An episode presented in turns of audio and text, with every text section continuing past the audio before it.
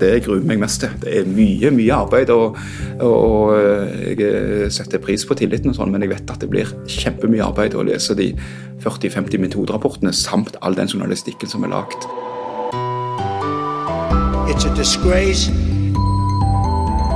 And I think they ought to apologize to start with. Dominere mediebildet. Failing media. Pile of garbage. False and fake, fake, fake, fake, fake, Han har hatt minst åtte forskjellige redaktørroller. Og etter ti år i Stavanger er han tilbake hos Dagbladet i Oslo. Nå skal Lars Helle bestemme hvem som får Scoop-prisen. Men det var ikke gitt at han ville takke ja til vervet som juryleder. Mitt navn er Kristine Sterud, og du hører på Pressepodden. Bistandsaktuelt søker redaksjonsleder til ett års vikariat. Du vil få en sentral rolle i å prioritere og planlegge stoff med ulik publiseringshorisont på bistandsaktuelt.no. Du vil også reportasjelede dyktige, erfarne journalister, både hjemmeredaksjonen og korrespondentnettverket av frilansere i andre land. Høres dette interessant ut? Les mer om stillingen på stilling.m24.no. Akkurat nå venter millioner av mennesker på å bli behandlet av en lege. For mange står det om livet, men tilgang til helsehjelp er ingen selvfølge. Vi er Leger uten grenser i år med hele Norge i ryggen. Bli bøssebærer for årets TV-aksjon søndag 23. oktober. Ring 02025 eller gå inn på blimed.no. Sammen redder vi liv. Nå har jeg kommet meg inn i et eh, møterom i femte etasje her i Allerbygget på Hasle.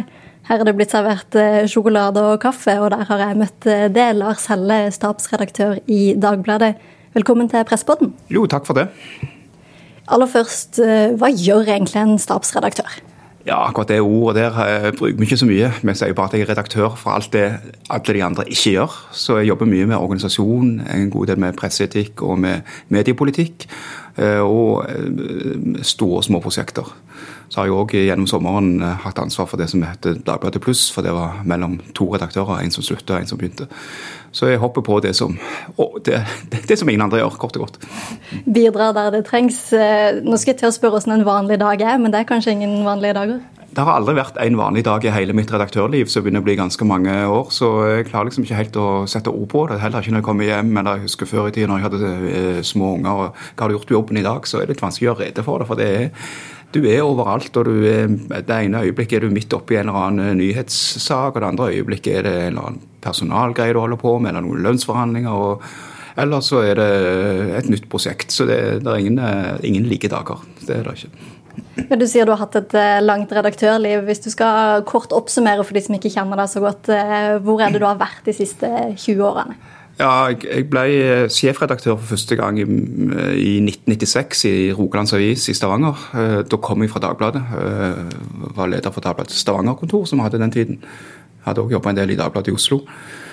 Og eh, etter drøye fire år der så ble jeg henta tilbake til Dagbladet i forskjellige redaktørstillinger i årsskiftet 2000-2001. Og da var jeg i Dagbladet i, eh, fram til 2011. Og da, de siste årene var jeg sjefredaktør. Og hadde òg en periode som konstituert sjefredaktør midt på 2000-tallet. Og så var jeg ti år sjefredaktør i Stavanger Aftenblad fram til sist nyttår, hvor jeg, eh, jeg, fant ut for et par år siden at nei, nå må jeg gjøre én ting til før jeg blir pensjonist. Og hadde vel ikke trodd jeg skulle tilbake til Dagbladet, men sånn ble det. Så her, var jeg igjen fra, her har jeg vært siden nyttår. Sånn var det du kom tilbake til holdt på å si røttene. Hva var det som gjorde at du ville tilbake her til, på Hasle?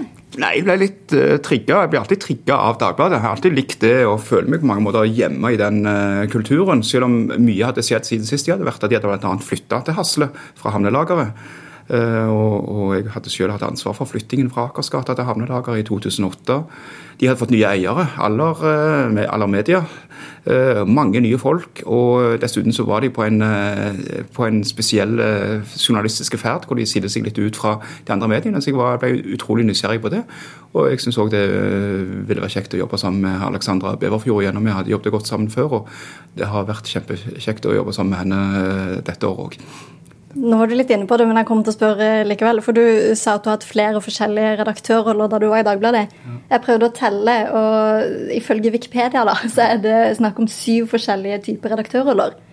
Hva, hva er det liksom du har lært av å gjøre mye forskjellig, men likevel det samme? Nei, altså En av grunnene til at jeg jeg, jeg tror at en av grunnene til at jeg til min store overraskelse ble redaktør første gang i Rogalands Avis i 1996, var at jeg allerede da var ganske interessert i hele ja, det som noen kaller verdikjeden i, i det i et mediehus. Og, og det jeg har lært av det, er jo at jeg har fått sett tett på den på, på mange måter. Og fått sett på at, uh, hvor mange elementer som må til for å skape et godt produkt. Og hvor avhengig vi er av ting på utsiden av huset òg. Så jeg har uh, liksom både lært liksom, den tekniske produksjonen av, av uh, av aviser og den journalistiske produksjonen. Det har jeg jo lært av det. Og så kan vi diskutere om det Jeg vet ikke om jeg skal anbefale folk å hoppe fra den ene stillingen til den andre, men det ble sånn. Det var et turbulent tiår fra 2000 til 2010. Eh, og vi måtte gjennom mange omstillingsprosesser og sånne ting. Og da eh, må du være Og nedbemanninger? Ja, og jeg hadde leda vel et prosjekt etter den første store nedbemanningen i Dagbladet i 2005. Så, så liksom, det var jo òg en prosess hvor du lærte å kjenne både mediehusøkonomien og liksom de makroøkonomiske tingene utenfor hus og sånne ting. Og, og, og, mye omstilling og mye omorganisering. Og da må du klare å omorganisere deg sjøl òg. Ja. ja, omorganisere deg sjøl. Hvordan gjør du det på en best mulig måte? Prøve å uh, liksom,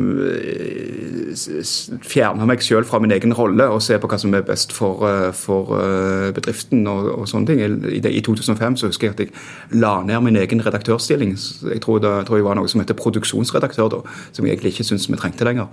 Det, det, og, og, og det, tror jeg kan være lurt. Og så tror jeg det er viktig ikke, både når det gjelder eh, forholdet til din egen jobb og det å ikke bli for pompøs, at du har et sånn avslappa forhold til ting. At du ikke Alt står ikke og faller med at du har den eller den jobben. Og det har aldri vært noe sånn viktig for meg å ha den eller den jobben, eller å være redaktør eller sånne ting. Det har vært kjekt og selv det har vært tøffe tak, men, eh, men jeg, har vært, jeg, har prøvd å være litt avslappa øh, knytta til akkurat de tingene der. Og det tror jeg hjelper. Vi hadde jo faktisk en eh, kronikk eller en kommentar hos Medier24 for ikke så lenge siden som handla om, om, dette med redaktørrollen, og at man ser på liksom redaktøren med stor R, som er liksom en litt sånn tøff, gammel gubbe som har eh, vært med på noe tak. Mm. Og at uh, nyere redaktører kanskje kan føle at det er en litt sånn rolle man ikke alltid passer inn i.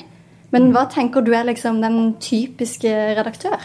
Nei, altså Det er jo denne der klisjeen med de som du sier, de med litt stor mage og litt diger sigar og kanskje et, uh, en drink på pulten og sånne ting, de fins jo ikke lenger. Og det har jo skjedd mye med redaktørrollen bare i de årene jeg har holdt på, selvfølgelig. Og, og, men jeg tror ikke, tror ikke de dagens unge, og det er heldigvis mange nye unge redaktører av begge kjønn som kommer til, de jeg, jeg, jeg, er imponert over hvordan de klarer å, å, ta den nye rollen. Og de kan helt andre ting enn det jeg kan, og, og sånne ting. Så, så, de har rett og slett mange av de kvalitetene eh, som jeg tror en moderne redaktør trenger.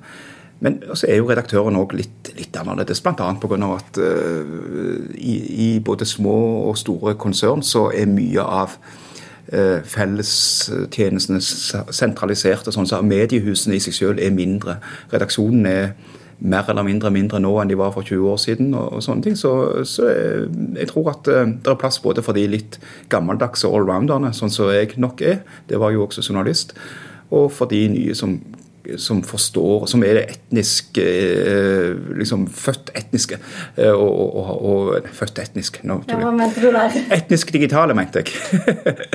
det er jo ikke jeg. Jeg, jeg er vokst opp med skrivemaskin og har lært meg å, både å håndtere dette her og, og bruke og, forstå viktigheten av digitalisering og sånne ting. Men jeg er jo ikke født og vokst opp med det. Jeg har, jo ikke, jeg fikk, har ikke hatt PC fra fødselen av eller, eller smarttelefon fra fødselen av. sånn så dagens unge journalister og etter hvert òg redaktører har.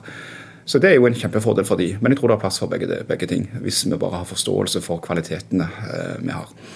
Ja, så det er en fordel at man holdt på å si, har det inn med morsmelka når det kommer til digitalisering? Når det kommer til digitalisering, så er det det, men så er det andre ting som uh, du bare liksom må lære deg, og mye får med erfaring. F.eks. å stå i en vanskelig presseetisk diskusjon og sånn. Det er akkurat like vanskelig nå som det var for 30 år siden. Og, er, og, og, og det å tåle, det en redaktør må tåle, det er mye støy, både internt og eksternt. Det er ikke en, er ikke en stilling du kan risikere å få så mye eh, applaus for. Og, da er liksom også å være avslappa på vegne av seg sjøl og ikke ta ting innover seg på, på det, det, tror jeg kan være, være viktig der òg. Bistandsaktuelt søker redaksjonsleder til ett års vikariat. Du vil få en sentral rolle i å prioritere og planlegge stoff med ulik publiseringshorisont på bistandsaktuelt.no. Du vil også reportasjelede dyktige, erfarne journalister, både hjemmeredaksjonen og korrespondentnettverket av frilansere i andre land. Høres dette interessant ut? Les mer om stillingen på stilling.m24.no. Akkurat nå venter millioner av mennesker på å bli behandlet av en lege. For mange står det om livet, men tilgang til helsehjelp er ingen selvfølge. Vi er Leger uten grenser. I år med hele Norge i ryggen. Bli bøssebærer for årets TV-aksjon søndag 23. oktober. Ring 02025 eller gå inn på blimed.no. Sammen redder vi liv. Vi skal jo snakke litt om den si, nyere rollen du ganske nylig har fått. Ja. Eh, du har takka ja til å være juryleder for Scoop. Mm. Hva er ditt forhold til Scoop? Ja, nei, altså Jeg har aldri vært tett på denne harde kjernen av Scoop-diggere. og sånn. Jeg har ikke vært engasjert i styre og stell der i det hele tatt. Så jeg var jo egentlig ganske ja, jeg, Ikke bare egentlig, jeg var kjempeoverraska når jeg ble spurt om jeg kunne være kandidat til det vervet. Eh, men jeg har jo fulgt Scoop tett, og jeg var på min første Scoop-konferanse jeg tror jeg har funnet ut det var i 1992 i Trondheim.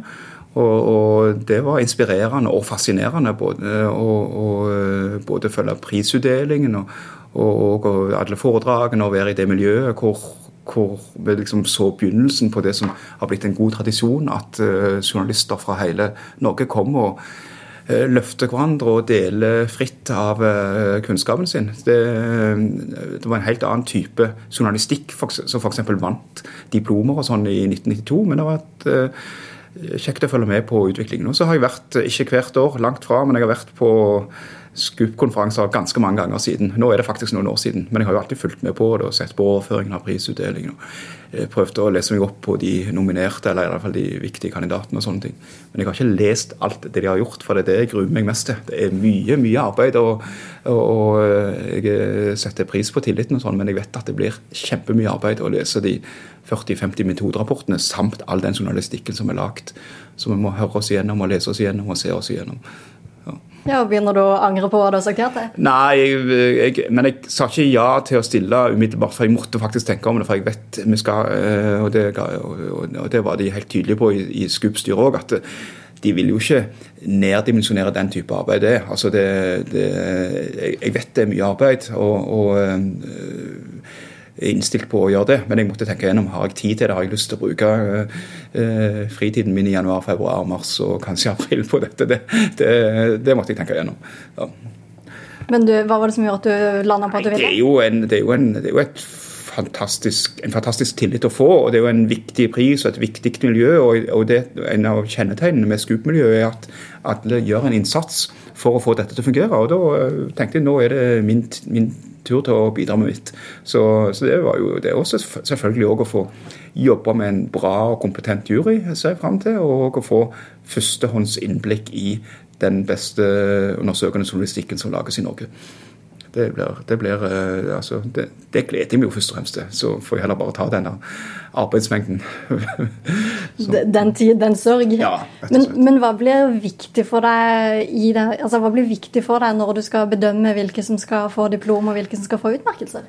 Nei, det, Mange sier jo det virker jo helt tilfeldig. og Jeg har jo òg vært på så mange SKUP-konferanser at jeg har sett skuffelsen i øynene på de som ikke har fått den, de, den uh, utmerkelsen de mente de hadde fortjent. Jeg har også sett mye raseri, rett og slett. Så jeg er jo forberedt på, på kjeft. Eh, samtidig så, og Her blir det jo mye skjønn. Det, det, jeg har jo møtt i Pressens faglige utvalg i mange år og liksom blitt utsatt for litt av det samme. For det, ofte er det jo skjønn. Hva Er du på rett side av, av den ene eller andre, andre øh, linja, da. Men det er jo noen statutter. ikke sant? Det er noen, det noen retningslinjer å gå der. og det er også en jeg er ny i juryen, men det er jo, den mesteparten av juryen har vært med før og, og kommer til å spille mye på den erfaringen de har der. Og så kan det være at, øh, og det skal bli litt interessant å se hva vi legger mest vekt på. Jeg er f.eks. kanskje mer opptatt av selve journalistikken enn konsekvensen av journalistikken. Kanskje mer enn en skuespilleren har vært. Altså, jeg mener ikke, det, er ikke et, det er ikke nødvendigvis et kjennetegn på at, den gode journalistikken du gjør, fører til at en må slutte jobben sin eller blir arrestert eller tiltalt eller dømt. Jeg mener Det, mer, det, det, det er liksom ikke mediene sin rolle å få til det, men vi skal kunne dokumentere ting som kanskje fører til den type konsekvenser. Mens andre konsekvenser er mye, mye viktigere, hvis det f.eks. journalistikken fører til at eh, håpløse regler blir endra osv. Så, men, og der tror jeg nok, har jeg lagt merke til at Scoop-juryen har i varierende grad lagt vekt på akkurat det som skjer etter at journalistikken er lagt. Uh, og, og, jeg er jo mest interessert i den journalistikken, journalistikken når den blir lagt. Men det skal vi få diskutert grundig i juryen, tror jeg. Ja, så det er selve metoden som er det viktigste i dine øyne? Uh, ja, det er jo det. Det er jo en metodepris, dette her. Uh, og Derfor er det mange sier det er mange, for mange priser i Medie-Norge, og det er det kanskje. Men hvis vi bare hadde tatt SKUP-prisen, så hadde det vært mye av journalistikken som ikke hadde hatt mulighet til å bli premiert. Uh, blant annet så var det utrolig mye bra journalistikk som var nominert og fikk priser på denne fortellingens kraft. Og den store journalistprisen òg åpner jo opp for andre sjangere. Men, men uh, metoden er én ting. Og så er jeg nok litt opptatt av eller, at en metode handler om mer ting enn å, å bruke to år på en sak. Uh, det, har, hvis det er en svakhet med Scoop, så er det nok at den har, ført til, den har ført til mye grundigere og mye bedre journalistikk, men den har også ført til at det er noen prosjekter som varer parodisk lenge i redaksjonene. Og jeg husker fra denne Jeg husker ikke detaljene, men men, men fra, fra diplomutdelingen i 1992 at det faktisk var eh, lokalaviser som med god metode gjennom observasjoner av lokalmiljøet gjennom et par uker faktisk fikk et diplom. Det ville jo aldri skjedd nå, og, og det er ikke sikkert på om jeg heller øh, vil ta til orde for skal skje. Men, men, jeg tror at uh, de oppdagelsene folk gjør i det vanlige nyhetsarbeidet, og som blir fulgt opp og, og, uh, på en, på en undersøkende og god måte, kan, bør ha mulighet til å, å komme fram og i alle fall få en diplom på, på SKUP-nivå. Selv om ikke fem mennesker har jobbet med det i et år eller to. Ja, for Det har jo vært en del av kritikken mot SKUP tidligere, at lokalaviser rett og slett ikke er godt nok representert eller ikke har levert inn ting. Er det det du sikter til? Nei, egentlig ikke. For det, at det sier seg selv at de store, ressurssterke redaksjonene er de som kan, kan, jobbe mest med det. Ikke bare når det gjelder i tid. Altså, Eh, da jeg var redaktør i Stavanger Aftenblad, så sa jeg alltid at vi skal ha råd til å sette av, hvis det er nødvendig, å sette av tre reportere i et år. Men det betydde ikke, betydde ikke nødvendigvis at vi måtte gjøre det. Og det har ikke lokalaviser. Men, men eh, som, og den kritikken kan også rette tilbake til de lokale avisene, at de kanskje ikke sender inn forslag, fordi de tror at det er at du må være Excel-ekspert, at du må ha tilgang til ti forskjellige databaser, at du må ha jobbet så og så lenge med det i et team på fem personer. Men jeg bare lurer på om det kan være noen andre typer ting, litt mer sånn klassiske nyhetssaker, som, eh, hvor folk bruker andre typer kilder, andre typer dokumenter enn en de, en de, vanlige. Jeg bare undrer meg på det. Det var, det var, var mulig før. Så, men, men eh, Er det en oppfordring? Ja, det er mer en oppfordring. For det kan jo ikke være sånn at, at vi lager en egen kvote uh, for mindre aviser. Vi må la med å premiere den journalistikken vi mener er best. Og Hva er det som eh, du tror blir best i år? Er det noen saker du har sett hittil som du tenker åh, den håper jeg leverer Nei, det vil jeg jo selvfølgelig ikke, ikke, gå inn på nå, men jeg imponeres jo hver eneste uke av god journalistikk i, i Norge. Eh, og så vil jeg tippe, eller håpe, at, eh, at det både kommer journalistikk på de store nyhetssakene. Jeg vet ikke om det er noen prosjekter f.eks. på krigen som har dominert nyhetsbildet i år. På samme måte som, som koronaen dominerte eh, de innsendte bidragene for et par år siden. Det kan være, men jeg, ikke, eh, men jeg håper jo òg at det kommer andre typer, typer stoff.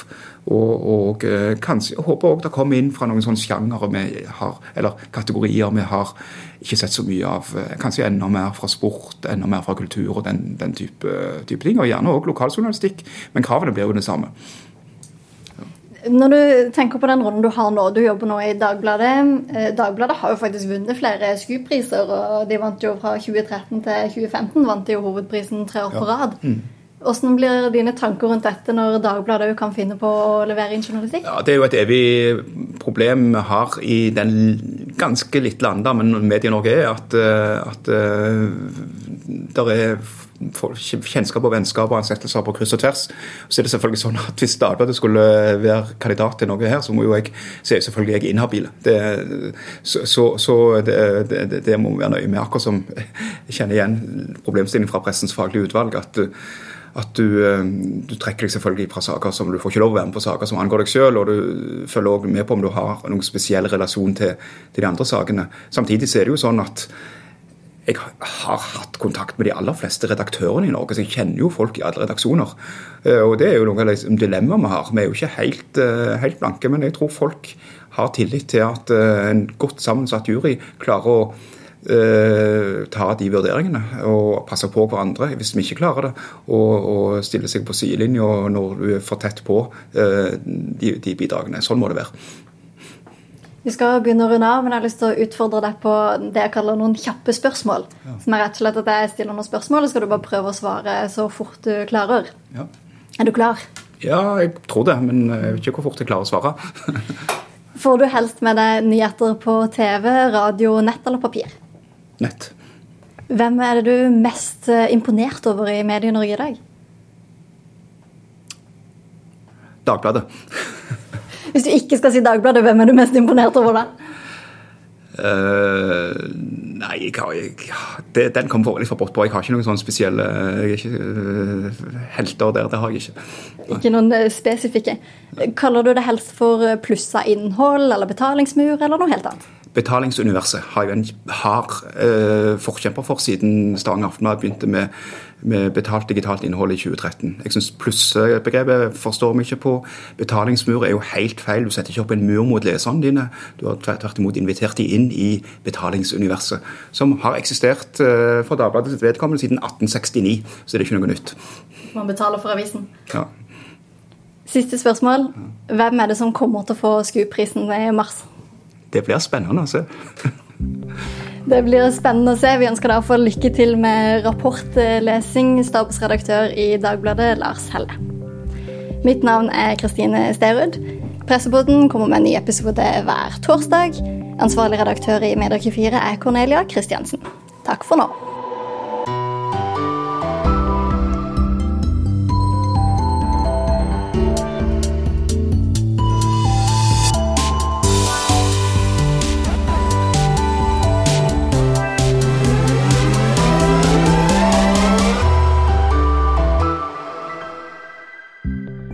Bistandsaktuelt søker redaksjonsleder til ett års vikariat. Du vil få en sentral rolle i å prioritere og planlegge stoff med ulik publiseringshorisont på bistandsaktuelt.no. Du vil også reportasjelede dyktige, erfarne journalister, både i hjemmeredaksjonen og korrespondentnettverket av frilansere i andre land. Høres dette interessant ut? Les mer om stillingen på stilling.m24.no. Akkurat nå venter millioner av mennesker på å bli behandlet av en lege. For mange står det om livet, men tilgang til helsehjelp er ingen selvfølge. Vi er Leger uten grenser. I år med hele Norge i ryggen. Bli bøssebærer for årets TV-aksjon søndag 23. oktober. Ring 02025 eller gå inn på blimed.no. Sammen redder vi liv.